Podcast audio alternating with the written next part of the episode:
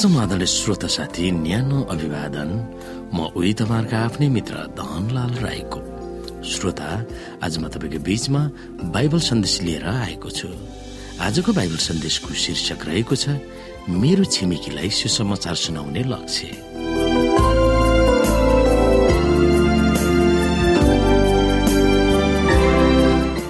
श्रोता साथी यो मेरो छिमेकीलाई सुसमाचार सुनाउने लक्ष्य भन्ने बाइबल सन्देशमा हामीले अध्ययन गर्नुपर्ने बाइबलका मुख्य पदहरू रहेको छ।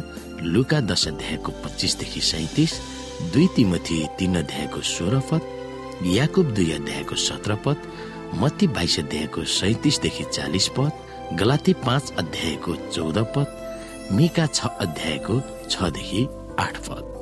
र यस अध्यायमा सम्झनु पर्ने पद अथवा मेमोरी गर्नुपर्ने बाइबलीय भर्स रहेको छ। लुका दश अध्यायको सत्ताइस पद। यहाँ भनिएको छ तिनले भने तिमीले परमप्रभु आफ्ना परमेश्वरलाई आफ्नो सारा हृदयले आफ्नो सारा प्राणले आफ्नो सारा समझले र आफ्नो सारा मनले प्रेम गर र आफ्नो छिमेकीलाई आफैलाई झै प्रेम गर। श्रोता यो पद हामी सबैलाई थाहा छ। तिमीले परमप्रभु आफ्नो परमेश्वरलाई आफ्नो सारा हृदयले आफ्नो सारा प्राणले र आफ्नो सारा समझले र आफ्नो सारा मनले प्रेम गर। र आफ्नो छिमेकीलाई आफैलाई झै प्रेम गर। त्यही पनि यदि हामी उहाँका आज्ञाहरू पालन गरेनौँ भने परमेश्वर प्रति हाम्रो प्रेम छ भन्ने हाम्रो दावी केवल मौखिक वा देखावटी मात्र हुन्छ।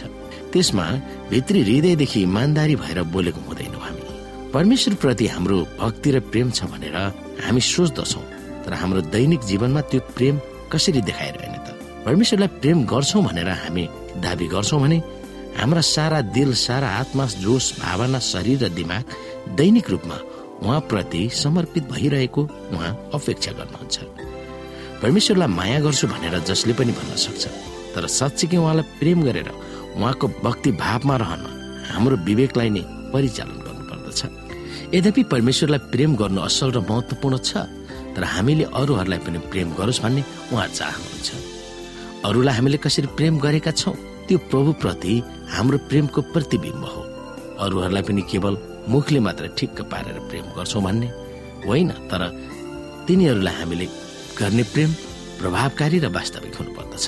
एक हुन्ना चार अध्यायको बिस र एक्काइसले यो खुलासा गरिएको छ यदि कसैले म परमेश्वरलाई प्रेम गर्छु भन्छ तर आफ्नो भाइलाई घृणा गर्छ भने त्यो झुटो हो किनकि आफूले देखेको आफ्नो भाइलाई नै प्रेम नगर्नेले नदेखेका परमेश्वरलाई प्रेम गर्न कहिले पनि सक्दैन। हामीले उहाँबाट यो आज्ञा पाएका छौँ कि जसले परमेश्वरलाई प्रेम गर्छ त्यसले आफ्नो भाइलाई पनि प्रेम गर्नुपर्छ। यस मामिलामा पावलले पनि यसरी पुष्टि गर्दछन् भाइ हो तिमीहरू त स्वतन्त्रताका निम्ति बोलाइएका हो। केवल त्यस स्वतन्त्रतालाई पापमय स्वभावको निम्ति प्रयोग नगर तर प्रेममा तिमीहरू एकअर्काको सेवक बना। किनभने समस्त व्यवस्था एउटै वचनमा पुरा भएको छ। तिमीले आफ्नो छिमेकीलाई आफूलाई झै प्रेम गर्नु तर तिमीहरू एउटाले अर्कोलाई टोक्ने वा निर्णय गर्छौ भने त होसियार गर। तिमीहरू एक अर्काबाट नै खत्तम हुन नपरोस्।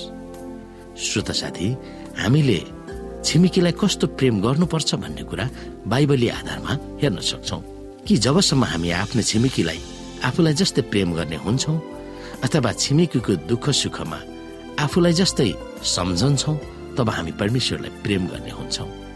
तर हामी छिमेकीको डहारे सेखी गर्छौ। र छिमेकीलाई भन्दा मलाई सबै कुराले परिपूर्ण होस् अथवा मैले मात्रै यो कुराहरू प्राप्त गर्नुपर्छ भन्ने हाम्रो मनमा हुन्छ। तब हामी बुझ्न सक्छौ कि म परमेश्वरलाई प्रेम गर्न सकिरहेको छैन। यी कुराहरू हामीले आफूलाई नै जाँच्न सक्नु पर्दछ बाहिरी रूपमा त जसले पनि जसलाई पनि प्रेम गरेको भान हुन सक्छ अथवा मुखले ठिक्क बनाउन सकिन्छ। केही हदसम्म कामले पनि हामी देखाउन सकिन्छ। तर हाम्रो हृदयबाट ती छिमेकीहरूप्रति ती अरू अरू मानिसहरूप्रति ती अन्य जातिहरूप्रति साँच्चै नै हृदयहरू चुडिएर आएर हृदयहरू पग्लिएर हामीले अरूलाई प्रेम गर्न सकेका छौँ कि छैन? जसले हाम्रो बदख्याइ गरिरहेको छ जसले हामीलाई धोका दिइरहेको छ जसले हामीलाई दुःख दिइरहेको छ तर उनीहरूको लागि पनि हामीले प्रेम गर्न सकिरहेको छौँ कि छैनौँ? ती कुराहरू हामी आफैले आफैलाई जाँच्नु सक्नु पर्दछ जब हामी तिनीहरूको निम्ति छिमेकीहरूको निम्ति प्रार्थनामा आफ्नो जीवनलाई समर्पण गर्नुपर्दछ ताकि उहाँहरूको सानो गल्ती मिस्टेकलाई हामीले याद गरेर प्रार्थना गर्नुपर्दछ कि जसरी यस ख्रिस्टले आफ्नो अपराधीहरूलाई क्षमा गर्नुभयो प्रार्थना गर्नुभयो। त्यसरी नै हामीले पनि उनीहरूको निम्ति प्रार्थना गर्नुपर्दछ कि परमेश्वर पवित्र आत्माको शक्तिद्वारा उनीहरूको हृदय परिवर्तन गरिदिनुहोस् र सच्चा हृदय बनाइदिनुहोस् ताकि म उनलाई प्रेम गर्न सकौँ र तपाईँको धार्मिकता पूरा गर्न सकौँ भनेर हामीले उनीहरूको निम्ति पनि प्रार्थना गर्नुपर्दछ। यसो भयो भने हामी साँच्चै नै परमेश्वरलाई प्रेम गर्दछौँ र त्यो सम्पूर्ण व्यवस्था वचन यसमा सिद्ध हुँदछ। यी कुरामा हामी विचार गर्न सक्दछौँ।